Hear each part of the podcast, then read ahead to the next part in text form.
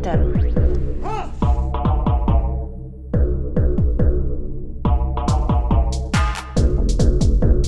Berätta inte för mig om det svenska klassamhället. Jag har sett det. Jag har växt upp i det. Jag hatar det. Okej, vi rullar. Vi rullar. Hej Tor. Hej, hur är läget? Eh, bra, bra tack. Vill du säga någonting om var vi är någonstans? Vi har eh, gett oss iväg igen. Eh, så nu är vi i Malmö, sitter i eh, en, en svit, Ett bättre konferensrum. precis, på eh, Scandic här i Malmö. Just det, Sveriges bästa, kanske enda semesterstad, Malmö. Ja, sommarstad i alla fall. Tydlig sommarstad. Inte så kul på vintern. Eh, jag flytt, när jag bodde här för eh, ganska jättemånga år sedan nu. Då eh, flyttade jag, jag hade varit i Malmö ganska mycket och kände lite folk och så. Och ville flytta från Linköping som man alltid vill när man bor i Linköping. Och eh, så då så tänkte jag att, ja men eh, typ eh, någon gång oktober är en bra, det är en bra tid att flytta liksom. Så då så flyttade jag hit i oktober. Och sen så eh, orkade jag stanna kvar i hösten fram till eh, januari. Och sen tänkte jag, det här, det här går fan inte längre. Jag måste, jag måste härifrån. Så då så flyttade jag härifrån. Mm, det är väldigt trevligt att vara här. Jag skulle aldrig vilja bo här däremot. Alltså allt det här som är charmigt. Ni vet att man alltid ser eh, Frej Larsson. Eller att man ser Don Park få stryk när man sitter och dricker öl på någon sån indisk slavkrog. Eller att man alltid träffar alla man känner på Möllan. Och att alla får bostad där men det finns ingen bostadskö.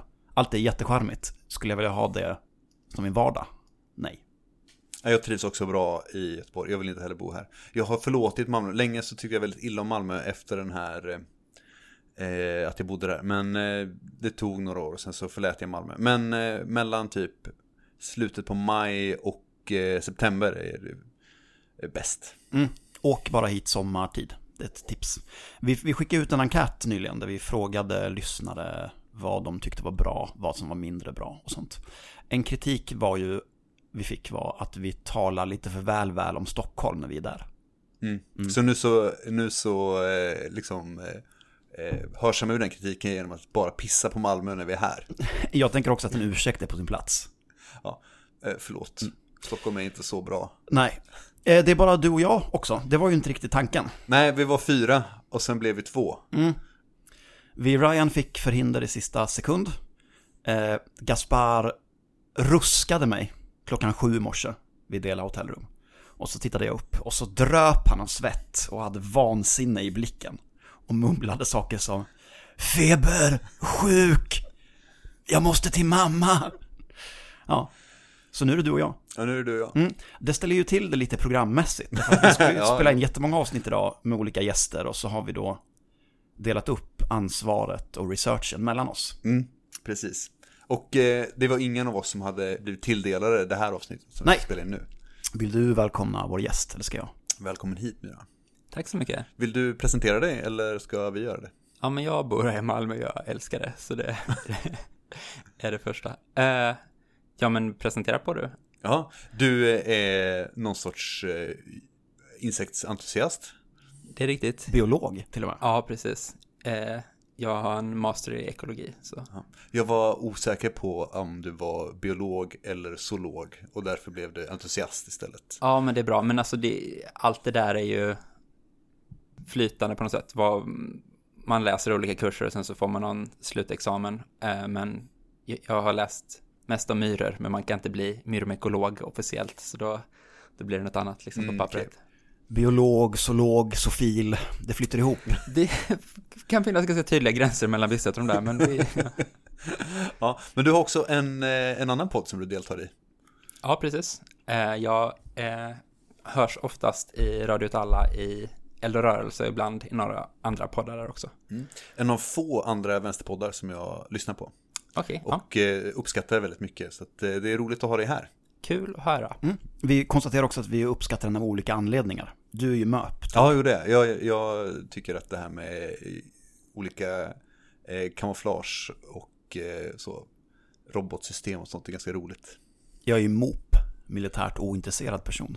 Men jag tycker att det är en trevlig podd. Ni har en god dynamik.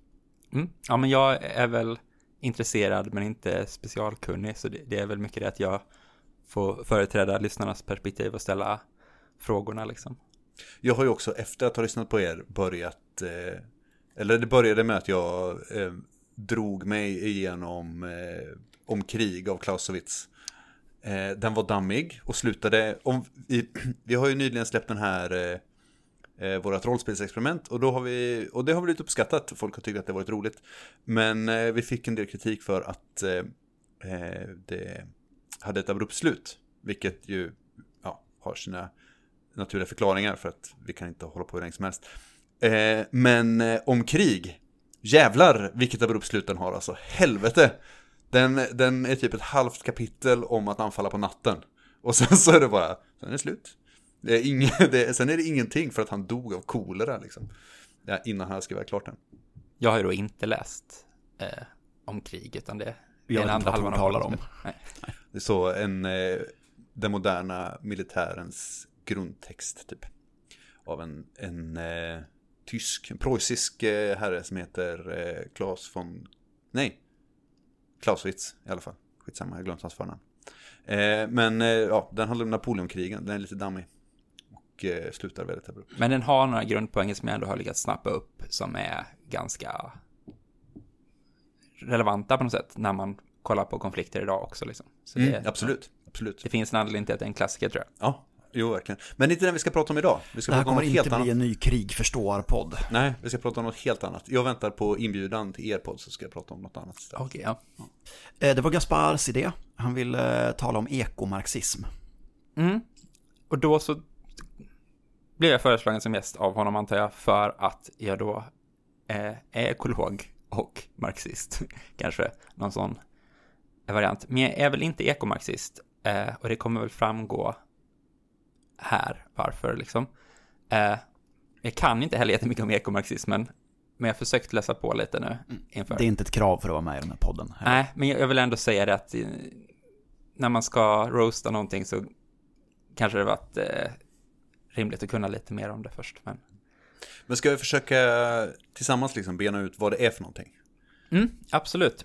Eh, ja, men jag, min bild är väl ganska mycket så här att eh, det är en strömning som är centrerad kring ett antal liksom, eh, författare, akademiker, teoretiker eh, som då liksom eh, tänker på miljöproblem, försöker få ihop det med liksom en marxistisk analys och kanske i stor utsträckning också försöker gå tillbaka till Marx och Engels och se så här, vad skrev de om det här? Hur kan vi få in det i vår liksom förståelse för miljöproblemen och ja, eh, vi kan komma närmare in på liksom exakt hur de hur de gör det. Eh, och historiskt sett så tror jag att den är kopplad mycket till den här eh, tidningen, tidskriften eh, Monthly Review.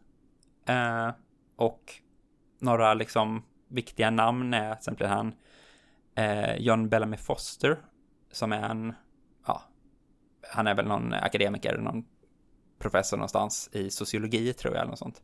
Och den tidskriften har väl haft det här som fokus ganska mycket, kanske sedan 90-talet eller någonting. Och man kan väl ganska tydligt se hur den liksom var någon sån eh, sosse-stalinistisk, liksom teoretisk eh, tidskrift. Att man på något sätt tog det sämsta av två världar, höll jag på att säga. nej, men liksom att, att man hade ett stort fokus på liksom eh, fri, eh, alltså mm, nationella fri, vad säger man, frigörelserörelsen är det som är Befrielserörelser. Just det, nationella befrielserörelser i tredje världen liksom. Eh, så länge de fick vapen och backning av Sovjet. Eh, och samtidigt så hade man liksom i synen på där man själv satt i väst eh, en ganska så här kenyansk förståelse av hela ekonomin och så liksom vad som hände. Så liksom eh, låg koppling till faktiska klasskampen liksom. Eh, och sen då Sovjet kollapsar, man måste komma på något nytt att tänka på ifall man ska göra en ful tolkning. Miljörörelsen blir relevantare liksom 90-talet eh, och framåt. Eh, och då så blir det liksom en fokusskifte till det här ekomarxistiska fältet då, på något sätt. Det finns någonting i mig som rycker till lite varje gång de placerar eh, men prefix framför eh, marxism. till Klassisk marxism. eh, Klassisk marxism, ekomarxism. men även frihetlig kommunism, eller hur? Därför att det finns ett inneboende antagande om att kommunismen inte skulle vara frihetlig. Alltså, Eh, jag skulle ändå säga att med, med ett historiskt facit så kan, ehm, kan ett förtydligande ibland vara lite på sin plats. Ja men det dit jag vill komma är den ekomarxistiska strömningen född ur en kritik av liksom realsocialismens brist på ekologiskt tänk. Det ska inte jag svära på hur det är, men det är inte en uppfattning jag har fått, att det finns en, ett tydligt fokus på det liksom, utan den verkar mer vara född ur att vilja förena liksom eh, miljöfrågan med ja, vänster eh, marxistisk eh, inriktning liksom. Så att om vi fortsätter fultolka det här så att eh, man, man, eh, man sket i det här så länge Sovjet var så länge, så länge Sovjet var liksom eh, körde kolkraftverk och sen så behövde man en ny en ny, eh, man behövde dra in folk på ett nytt sätt liksom. Ja, det tror jag kanske är en för hård, hård tolkning också kanske. Det, eh, Jag tycker att det låter i allra högsta grad hedervärt. Av dem. Ja, ja, precis. Spår. Ja. Ja, ja, men eh, det kanske det är. Vem vet. Eh, ja, vill ni veta mer om den? Eh, Ska vi prata om vad den, vad, vad som dess grundpoänger är då? Liksom? Mm. Det jag gjorde egentligen innan det här var att läsa en text som heter What every environmentalist needs to know about capitalism. Eh, som är bland annat skriven av Bellamy Foster då. Och den blev sen en bok eh, som heter något liknande. Men jag läste bara artikeln, så jag tänkte, har man nu skrivit en bok på en artikel så finns nog de viktiga poängerna i artikeln, så behöver man läsa mindre också. Jag skulle kunna tänka mig att det skulle kunna bli en tweet. Man skulle kunna få in. Man skulle kunna få ner Det det, här. är dåligt på, på hur många tecken man nu får ha. Ja. Nej, men eh, den här artikeln är ganska mycket upplagd så att den räknar upp liksom olika miljöproblem. Kan kolla lite här. Det är isen smälter, eh, ja, alltså klimatförändringarna, vi har eh, biodiversitetskrisen, vi har eh, kemiska föroreningar i vår mat och sådana saker. Liksom, ja, går igenom olika och sen så kopplar den till så här, hur är det här skapat av kapitalismen? Eh, hur är miljöförstöringen en liksom inneboende effekt i kapitalismens logik? Eh, och sen så gör den väl också lite eh, utblickar mot liksom dels så varför funkar inte de här inomkapitalistiska grön kapitalismlösningarna liksom? Eh, och vad är liksom vårt alternativ då på slutet någonstans?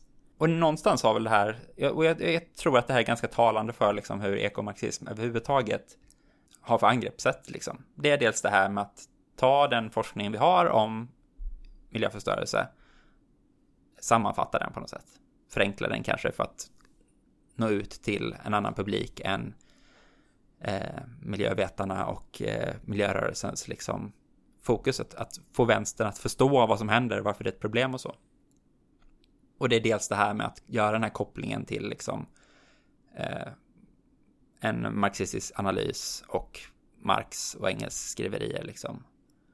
Eh, och sen så visst lite egna förslag, även för jag, precis som i den här artikeln tycker jag att det är ganska platt det som de gör, gör som sin egen lösning och det är mycket så här bara, ja men i Venezuela så har man faktiskt eh, eh, lyckats med någonting. Bara, Venezuela är en stat vars hela ekonomi bygger på olja. Liksom så här, hur, var, hur, hur kan det här vara ett för... Ja, men på Kuba så har man...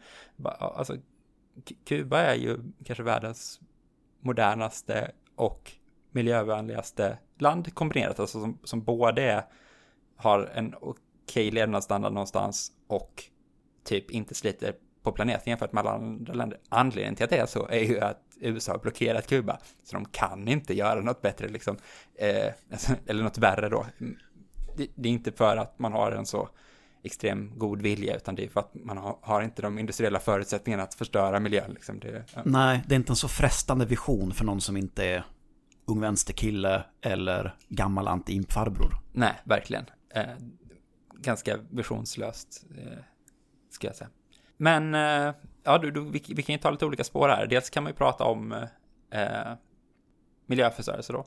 Eh, och dels kan vi prata om eh, marxism i förhållande till, vad, vad är ni sugna på att...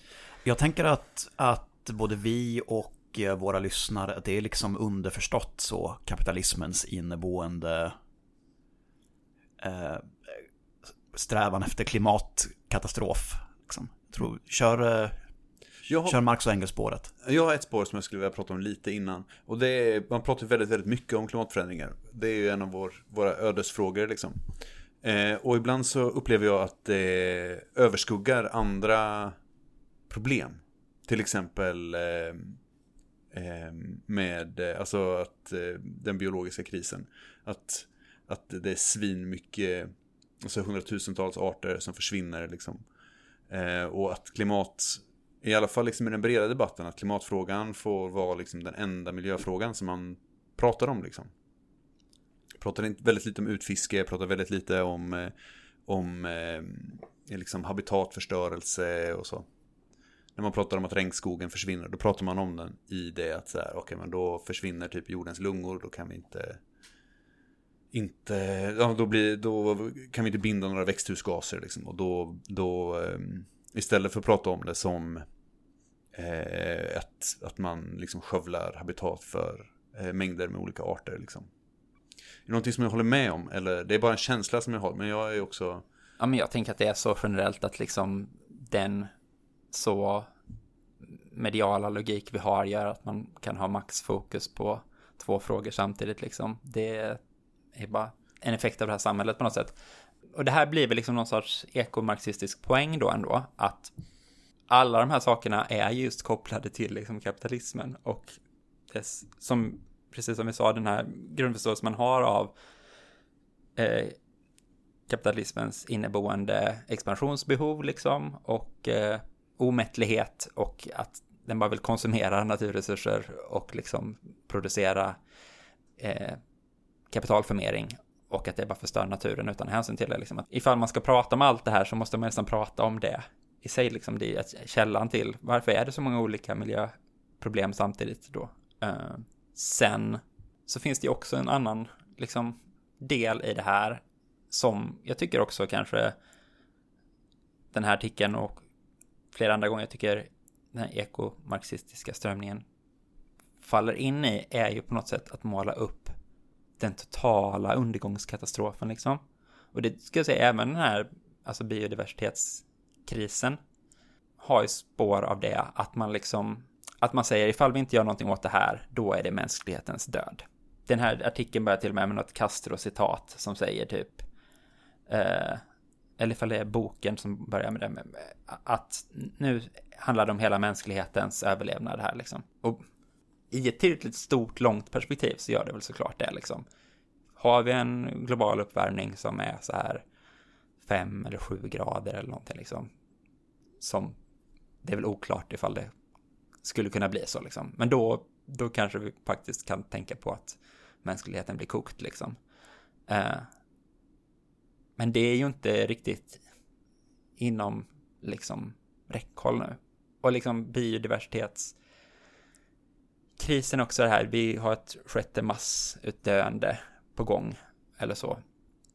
Det tycker jag personligen inte är motiverat eller bevisat på något sätt att, att hävda det liksom. Eh, jag har faktiskt spelat in en, en annan podd med det här, eh, att bränna en värld där jag pratar tillsammans där med, Eh, eller om, eh, med dem i den podden om eh, att jag inte, varför jag inte tror på det liksom upplägget eller så.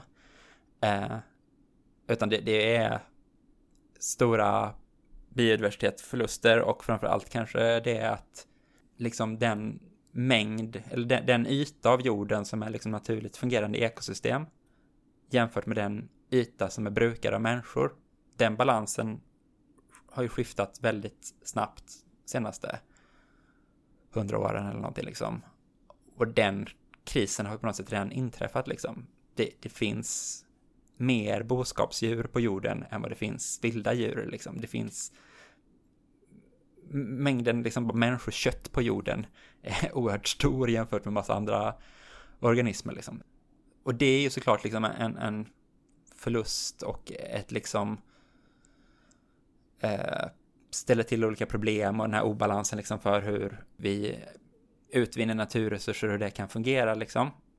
Men det är, samtidigt så lever vi med det idag. Så här, det är inte som att hela jorden står i brand och alla människor håller på att dö just nu. Utan det är ju liksom som, som vi så förtjänstfullt har liksom eh, pekat på alltid ett klassamhälle där vissa har det gott och Eh, de flesta har det ganska trist och många riktigt fattiga också har det riktigt piss liksom.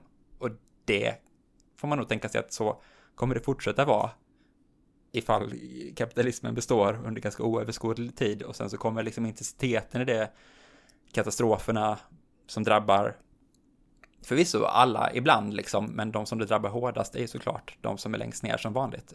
Eh, och så kommer det nog fortsätta vara, snarare än att liksom hela mänskligheten står inför ett gemensamt problem. Eh, och det perspektivet tycker jag då att man kanske tappar, att man borde ha mer fokus på just klasskampen och liksom de motsättningarna. Jag gjorde den ganska fåniga saken att jag liksom laddade ner den här boken som den här artikeln blev då sen och så kontroll F hade jag så här class struggle i den. Jag fick såklart noll träffar då liksom. Och så tryckte jag bort struggle och så var det kanske tio träffar på klass då. Många av dem var väl inte helt rimliga liksom tolkningar. Så det är ju uppenbart ett perspektiv som försvinner. Och jag tänker mig att det hör ihop ganska mycket med just att den här strömningen på något sätt är dominerad av de här då akademikerna i kanske framförallt England och USA som sitter och funderar på hela världen som ett system och ett problem som ska lösas och liksom så kommer man upp med liksom eh, så här borde vi ordna världen istället. Det, till och med liksom att de, de säger så här, det system vi behöver är liksom ett som tänker mer på eh, den vanliga människan. What about the people? Istället för how much money can I make? Men liksom det är ju någon sorts byråkrat perspektiv och fråga sig så här, hur ska systemet hur ska systemet börja tänka rätt om folk eller så? Det är inte så typ, hur ska människor återerövra sitt människovärde, krossa det här skitsamhället, eh, inrätta ett nytt liksom. Det är inte det som är frågeställningen då, utan det är ju hur, hur ska liksom den här samhället vi fantiserar ihop fungera på det optimala sättet liksom. Men å andra sidan ser man ju, eller historiskt sett har man ju också sett den motsatsen. Att vara så här, folk som typ har bott vid, vid fabriker och sen så börjar de dumpa allt sitt avfall i deras eh, dricksvatten typ. Och de bara, ni får, ni får lägga av med det här. Ni får sluta. Och att det är liksom en eh, på något sätt en riktig liksom eh, eh, klassbaserad miljö miljökamp. Liksom. Verkligen. Ja, ja, absolut. Den, motsättningen finns ju här. Och liksom, ibland tar den sig uttryck i kamper som är väldigt intressanta. Ja, intressanta dynamiker. Men min upplevelse är inte att det är fokus för eh, de här gubbarna som det Just det. Men är det en kritik man skulle kunna rikta mot en, en lite närmare grupp akademiker också, kanske främst kring Lund? Jag tänker på Andreas Malm och, är det Setkin-kollektivet? Nej, Setkin-kollektivet är en Vänsterpartiet-grupp. Vad kallar de sig för? Jag har inte koll på det här, men alltså vadå, Andreas Malm är väl en del av ekomarxismen, till exempel, kan, man väl säga. Och jag hittade någon läslista av honom eh, som var så. Det här är ekomarxismens klassiska. Eh, och då fanns ju Bellamy Foster boken med liksom och det finns någon bok av de här massutrotningarna som sagt det andra poddavsnittet handlade om som vi läste till den liksom. Som man sa, det här är en verklig ögonöppnare och jag säger att jag tyckte den boken var skit liksom. Så det är olika perspektiv så. Sen så, vad jag har förstått är Andreas Malms Fossil Capital en väldigt bra bok som jag inte har läst om, men bara vad jag har sett andra säga så. så det, som, och precis som liksom generellt så tror jag att det finns också förtjänster inom olika liksom eh, med olika artiklar och texter från den här strömningen säkert. Det är ju ja, det är ett problem som jag upplever ofta liksom att ibland har folk en väldigt, väldigt bra eh, kan beskriva problemet på ett väldigt, väldigt bra sätt liksom. Att vara så här, okej, men vi har de här problemen och att man, man utmålar problemen. Eh, fan, vilken, det var någon jävla podd som jag lyssnade på som var helt ah, hemsk med det. Men om man utmålar ett problem på ett bra sätt eh, och kan liksom ha en, en problemformulering och sen så har man, ska man presentera sina egna lösningar och sen så är det bara ett stort, ett sånt jävla antiklimax. Man bara, vad, vad fan, vad ska vi göra med den här skiten? Bara, det här är ingenting. Vad, vi ska rösta på den här personen, man fan bryr sig. Nej, precis. Och det är såklart, det är inte lätt heller. Hade, hade någon av oss haft den riktigt perfekta lösningen på liksom hur man organiserar allting och så, så hade vi inte suttit här liksom, utan då hade vi stått på barrikaden någonstans liksom. Men eh, då kan man väl säga det istället, eller så. Istället för att vara så, ja men lösningen är nog att inspireras av hur det är i Venezuela. Så, alltså, det är eller trött eh, slutsats. Eller just de också raddar upp lite så här permakultur och ekobyar liksom. Så typ, ja, jo, det är väl trevligt, men det, det fungerar ju liksom inom en ganska begränsad dynamik som finns här idag och den verkar ju inte liksom expandera och förändra hela samhället utan den får ha sitt lilla hörn av liksom världen som det är så och den verkar ju inte kunna fungera i någon logik utanför det liksom. Eh, Mm, men, men eh, ska vi gå till Marx och Engels som någon frågar om? Ja. här? Comintern. Shoot. Nu blir det på med, med så lösskägg för en av oss.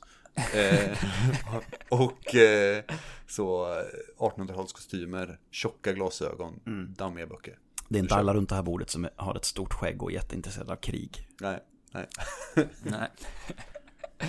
Mm, men det, det man säger då lite är att så här, Marx och Engels var egentligen väldigt tidiga eh, liksom environmentalists, eller de har liksom en ekologisk grundförståelse eller så. Men den är inte helt klart utskriven, utan man får lite läsa ut den ur olika liksom stycken ur kapitalets tredje band och grundris och så då. Lite som när Marx kallas för tidig feminist. Mm, ganska mycket samma vibb här. Eh, för det är ganska korta stycken eh, som man tar på, eller som man utgår från. Eh, framför allt är det ett då där Marx pratar om degradering av jordbruksmark så. Och liksom på något sätt säger att ja, stad och land har separerats och det finns liksom från början en sorts naturlig metabolism som man pratar om då. Eh, och det är väl egentligen bara på något sätt en förståelse av att i naturen finns olika kretslopp liksom. Och det tänker jag att det får vi ju lära oss i lågstadiet ganska ofta så att så här typ allt tillhör ett kretslopp, det går runt, eh, för att det ska vara hållbart så måste det liksom cirkulera och man kan inte bara ta ut på ena änden och inte stoppa in i andra änden liksom så. Det är svensk skola ett nötskal var marxismen började Ja, tidigt precis. och indoktrineras i barn. Det, det är ett perspektiv man kan ta på det annat. Sen kan man ta att det här är ganska basic liksom grejer och att Marx skriver inte ens så, utan det är just bara den här jordutarmningsfrågan liksom. Men där skriver han någonting, någon mening om att det är en oreparerbar reva. Är det det som är den metabola revan? Som, eh, som var ett begrepp som gick upp pissmånga gånger när jag försökte snabb-googla om det här för en stund sedan. Ja, precis. Så då har Bellamy Foster tagit det här och satt ihop det till metabolic rift, som är liksom det teoretiska grundbegreppet här som är så här, wow, de hade kommit på det här redan innan alla andra, de är först, eh, vi behöver marxismen för att förstå liksom hela miljöfrågan och så. Och dels då så ska jag säga att jag, precis som jag var inne på, är inte jätteimponerad av den här liksom slutsatsen, man behöver inte Marx och Engels för att förstå att så här, de naturliga kretsloppen driver ekosystemen, eller de drivs i ekosystemen, tar vi bara ut från ett håll så kommer de kollapsa till slut liksom. Det är det här som är motsättningen med kapitalismen, att den bara vill utvinna olika naturresurser eh, på ett envägssätt för att skapa profit liksom. Och den andra delen av det här, som är problemet med det, är väl att det är en ganska liksom motsägelsefull förståelse jämfört med mycket annat av Marx och Engels tänkande kring liksom förhållandet människa-natur. Ja, de plockar russinen, de, de plockar de ekologiska russinen ur den marxistiska kakan. Ja, precis. Och, och det här begreppet planetary boundaries som de gärna tar in, som väl kommer från eh, liksom miljöarbetare där man säger så här, det, jorden har vissa liksom begränsningar för vad den kan eh, leverera eller vad den kan upprätthålla för liksom olika påfrestningar. Och så, så delar man in det i olika kategorier och så vill man kunna liksom mäta så här typ när är boundaries för liksom utfiskning, när passerar man dem och då kommer man liksom knäcka systemet på något sätt. Och, eller ifall man övertrasserar det tillräckligt länge så kommer det knäckas på något sätt. Eh, Kan man ha det i ett Excel-ark? det kan man nog ha. Tydligt och bra. Det, Ja. det, det är nog... Det kan man väl uppskatta. Men, men sen då när man kopplar det då till de här metaboliska revan så... Då är det lite motsägelsefullt mot Marx och Engels version, för de var ju ganska så på något sätt... Eller de var väl kraftigt modernistiska i det eh, betydelsen att de tänkte att de här begränsningarna som turen sätter för människan, de kan människan övervinna genom att frångå sitt naturtillstånd och bli liksom betvinga naturen, tämja naturen. Sånt språk använder de ju snarare liksom. Eh, det var mer i så här, fan industrialismen, oanade möjligheter.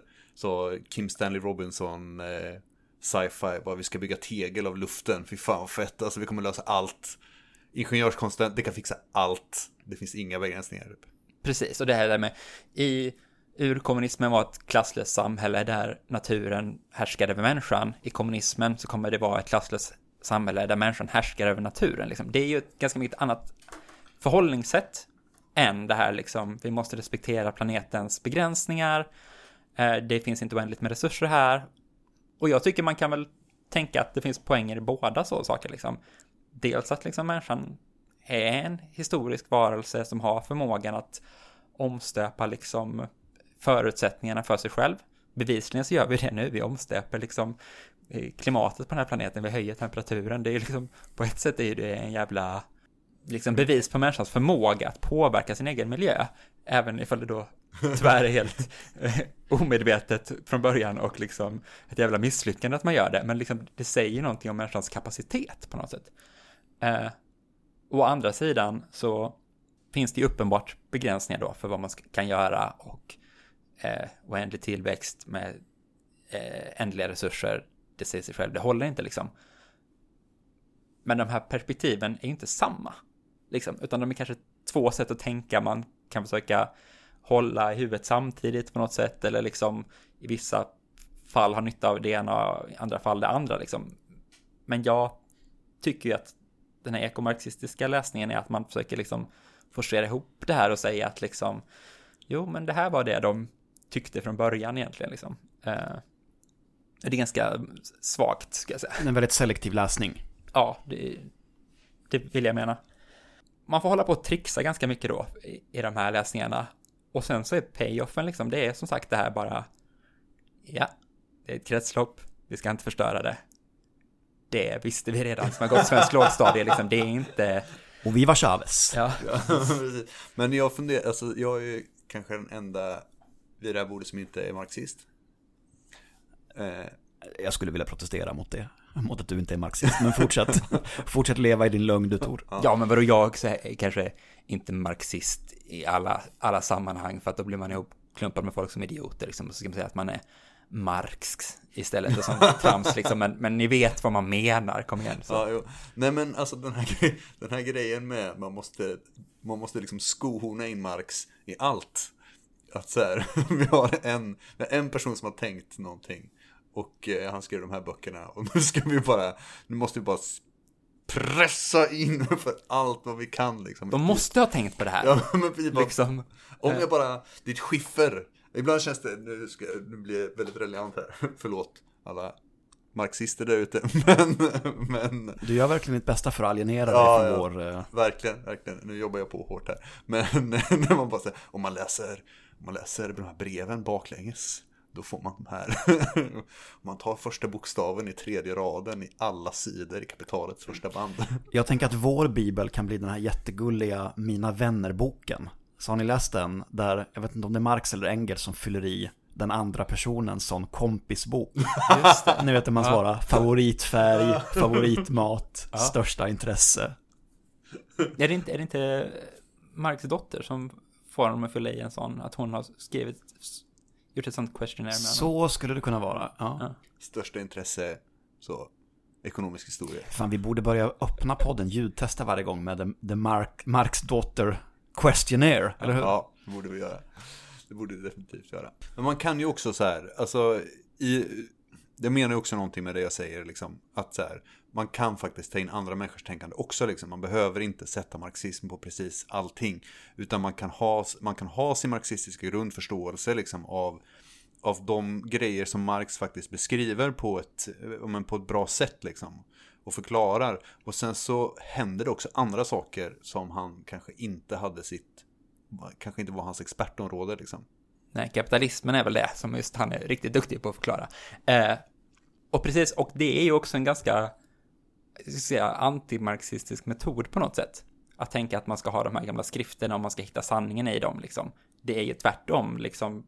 Marx stora förtjänst är ju den materialistiska analysen att kolla på vad som händer i världen idag. Förstå utifrån det göra en analys hur saker fungerar liksom. Jobbigt, tråkigt. Ja, precis. Ja, precis. Det, det kräver väl lite ansträngning så. Eh, som tur är, när det gäller just eh, miljöfrågorna så finns det ju jättemånga forskare som jobbar med det här, så man behöver ju inte göra grundforskningen så mycket, utan man kan ju läsa det som finns då. Och det, på ett sätt då kan jag känna så här, okej, okay, ifall man nu inte har någon liksom koppling till ekologi, miljöfrågor, så inte en stor förståelse för det kommer från vänstern, då kan det väl vara bra att börja med att kolla på de här texterna som liksom förklarar då miljöfrågor, vad som är problemen och så, liksom sammanfatta det på ett lättbegripligt sätt. Samtidigt som ibland jag då som sagt tycker att det blir liksom kanske konstigt alarmistiskt och sånt, men okej, okay, det, det, kan man hitta vart man än vänder sig, så det är väl fine liksom. Men ifall man sen ska komma vidare, då tror inte jag att det är fokus på liksom ekomarxistisk teori som ger en förståelse i miljöfrågor, utan det är att läsa den här liksom ekologiska forskningen i sig, liksom, eller klimatforskningen eller så. Alltså, och sen så ifall man är, ifall man har en förståelse av kapitalismen så kan man använda den i förhållande till det liksom. Uh, att, att det ger ett bättre utfall. Man kan ju också fortsätta med det här, det, det, det värsta tycker jag egentligen, eh, textgrävandet för att, som kopplas till liksom eh, vetenskap och miljö och så, det är ju när liksom folk är så, ja men eh, Engels bok eh, Naturens dialektik, den är egentligen en föregångare i alla vetenskapsområden. Och då är det ju så att framförallt finns det de här trottarna i IMT som tycker att den boken är ett bevis på att Big Bang inte kan ha hänt. Och liksom Big Bang är en teori för eh, fysiker och eh, astronomer, liksom sådär, visst, eh, det är inte bevisad, för det kan inte sådana teorier vara. Det kanske finns andra bättre teorier och så. Så man kan väl inte slå fast det. Men det är konstigt att utvärdera det utifrån då en bok som Engels själv tyckte var för dålig för att ge ut, liksom. Som bara fanns kvar som manuskript som man sen har gett ut postumt, liksom. Eh, för att han ty tyckte väl uppenbart inte att det höll, liksom, det han själv hade skrivit. Men där ska man då hitta den riktiga sanningen, att liksom egentligen fungerar hela världen enligt de här eh, dialektiska lagarna då som eh, Marx och Engels upptäckte från Hegel och så liksom att, att man kan tillämpa dem på allt och det funkar likadant och det är liksom en ursanning och eh, upptäckten av den här liksom dialektiken är liksom eh, den enda stora upptäckten som har gjorts och det som så förklarar det allt liksom. Eh, och då är det ju verkligen bara bibelläsning av, av allting. Sen så finns det säkert eh, saker i eh, just naturens dialektik, manuskripten som är liksom lite kul att läsa, intressant, kanske lite tankeväckande och sådär, som, som det brukade vara när Engels och, och Marx också skrev saker liksom. Men just att tro att det är liksom så här, det slutgiltiga svaret är så Det är inte kronan på all vetenskapsteori. Ja, nej, nej, nej, precis. Ja. Det finns en, eh, en, eh, eh, en grupp i samhället som är väldigt eh, överrepresenterad när det gäller att vara liksom eh, ja, men hålla på med olika konspirationsteorier, att vara klimatförnekare och, och coronaförnekare och sådana saker. Ravade? Eh, nej, eh, civilingenjörer. Just det. För att man har en, man, man är duktig på en grej, man är så himla inkörd i det här ingenjörstänket. att så här, ja men, som, ja men precis, att så här, vi kan lösa allt. Och bara för att jag inte förstår den här grejen som ligger utanför mitt expertområde, då kan det inte vara, då kan det inte vara sant liksom. För jag kan göra någon sorts ingenjörslösning liksom. Eh, ibland känner jag att det finns en viss likhet mellan folk som läser eh, olika Marx och Engels väldigt, väldigt, väldigt mycket. Någon gång i månaden i alla fall går jag in och tittar på den här Chalmers civilingenjören som bara äter rått kött. Du känner till honom? Nej, men jag, inte? känner till typen. Ja. Ja. Han håller på och bygger, han har varit med och, och, och ritat upp eh, Västlänken. Uppenbarligen helt galen. Äter bara rått kött eller kött i olika förruttnelsestadier. Mm. Jag tänker att han kommer att dö när som helst. Alltså jag kan ändå tänka mig att det, att det kan vara en god diet liksom. Men det är ju det här Fan vad äckligt alltså. min, min primitivistiska order här. Men, men, men det är väl inte heller så att alla människor som söker ingenjörsprogrammet är sjuka i huvudet från början heller. Utan det är väl en väldigt hård indoktrinering har jag också hört från liksom kamrater som har, har varit det. Att de blir tillsagda så här, ni är samhällets elit, ni ska lösa världens problem. Att man liksom har föreläsningar där folk står och säger det ordagrant till människor liksom. Och att man börjar tro på det då, det kanske inte är så konstigt ifall man inte är så, så liksom eh, aware på, på, på vad man ska vara försiktig med liksom. Så här, ja. Så jävla sjukt. Ja, menar alltså jag, när jag gick på universitetet så sa min lärare att så här, ja nej men på latin heter eh, liksom överarmsbenet heter eh, ossa humerus. Och jag trodde ju på det liksom. Eh, så att det är inte så konstigt att man tror på vad ens lärare, vad ens lärare säger. Vad, vad betyder ossa humerus? Eh, det här benet i överarmen. Det är bara vad det heter liksom. Ja, jag tror att du menar att de prankade dig. Nej, nej, nej, nej, nej, utan det, var, det är korrekt, det är helt sant. Jag trodde det skulle komma en pann här, att, Nej. att det var bara en rolig lärare som var så, men egentligen heter det, ja. Du skulle ha gått till Marx och kollat. Ja, precis. Vad som Marx som. Comintern. Okej, så om svaret inte är att kopiera Venezuela på global skala, Eh, vad är svaret då? Och man får inte säga flytta ut din stuga i skogen och skicka bomber med post. Ja, det är tråkigt, för det hade jag tänkt säga. Ehm, jag, tycker att det är, alltså, jag tycker att det är så svårt för att det, det, är, alltså, så här, det skiljer sig så mycket från så mycket annan kamp som man är liksom van vid. Typ. Att så här, jag, typ, vi är underbemannade på jobbet. Så blir det väldigt lokalt liksom. Alla blir väldigt tydligt drabbade av det på, i min närhet. Och det är väldigt någonting som man kan peka på väldigt tydligt. Och sen så kan man vidta fackliga stridsåtgärder. Och sen så kan man försöka lösa det liksom. Men det är så mycket svårare när man har ett, eh, ett system som är så, impregnerat liksom i, i allt. Jag tycker, att det är, jag tycker att det är skitsvårt. Men eh, alltså att, att på något sätt få ner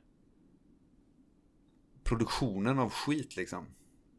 Jag upplever väldigt mycket att det är väldigt mycket anledningen till att de tar upp Kuba som ett så ett, eh, ett gött exempel på det är ju för att de kan inte riktigt producera så jävla mycket. Men sen så vill jag ju inte bli så här, men om alla bara köper mindre grejer så kommer det här lösa sig. Det är ju inte, det, det är ju inte något som jag tror på kommer fungera liksom. Nej, men eh, det var ju precis vad vi sa förut, alltså att hade man en perfekt lösning på, på det här så hade man ju genomfört den. Så det är såklart att man inte heller har det svaret. Eh, och att det på något sätt är ju samma svar då som hur gör vi någonting åt kapitalismen som hur gör vi någonting åt alla de här miljöproblemen liksom.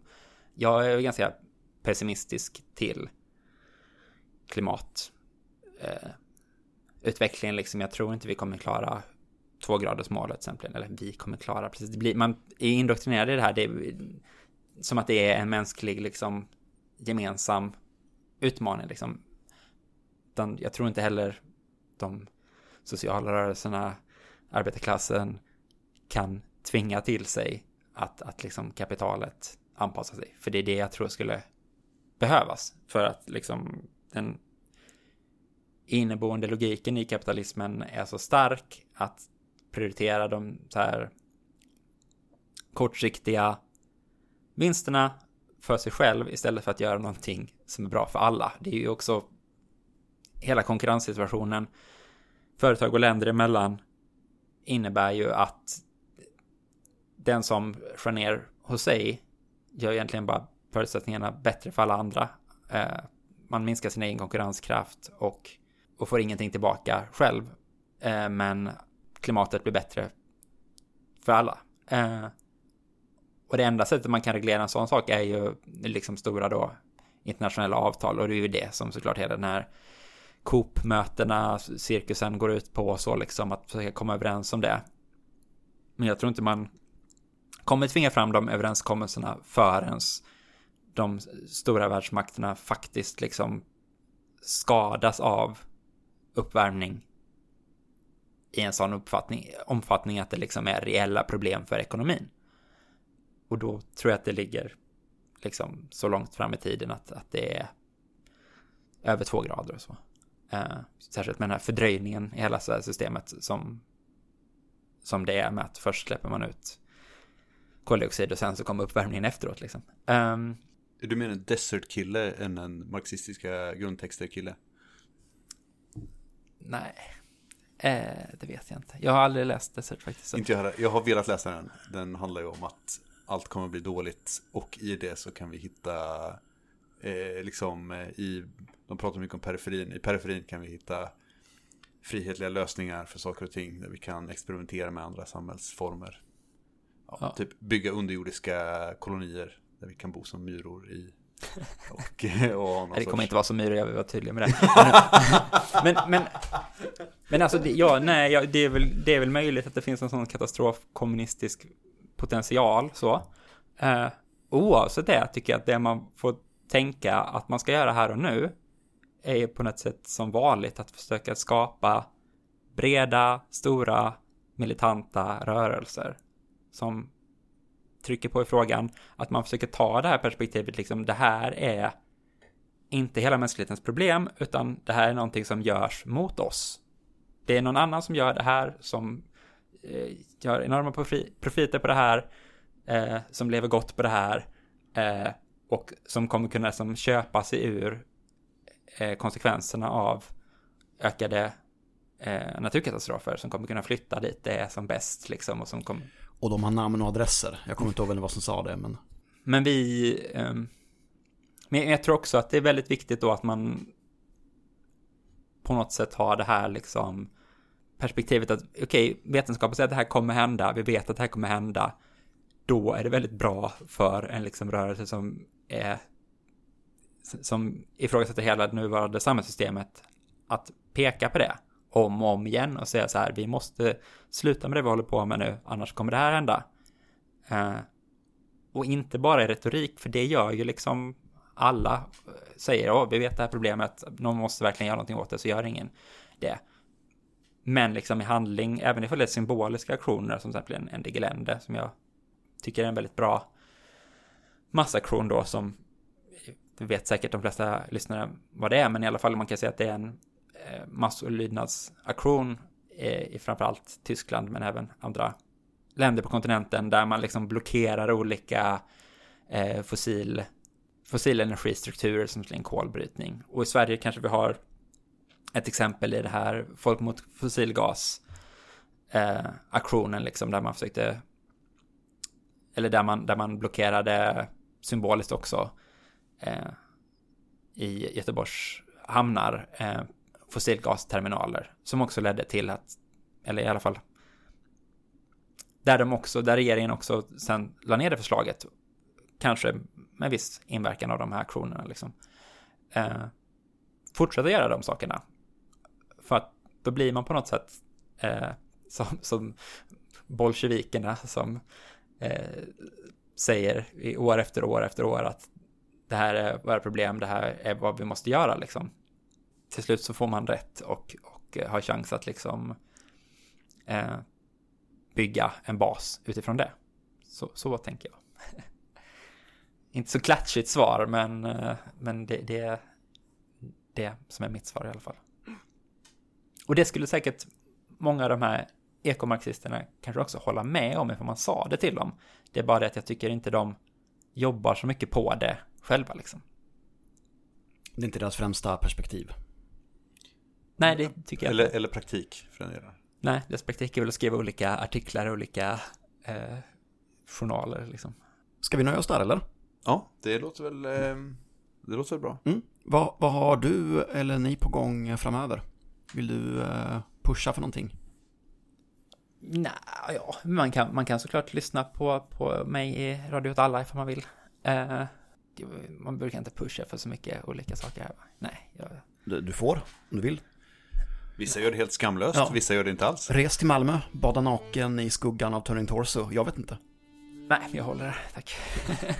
Du söker en förare till en expedition till Öland. Det gör jag, absolut. Eh, jag söker generellt eh, förare i livet. Jag har, ut, utan körkort är det svårt. Ja, eh, tack för att du kom. Det var kul samtal. Snyggt improviserat hörni. Wealthy people like to live, live near the water. They'll pass their real estate down to their sons and their daughters. Generations of happy, just enjoying the view. But when the water starts rising, you know what they're gonna do. The rich will move to the high ground. The rich will move to the high ground. Oh, look at your town. The rich will move to the high ground.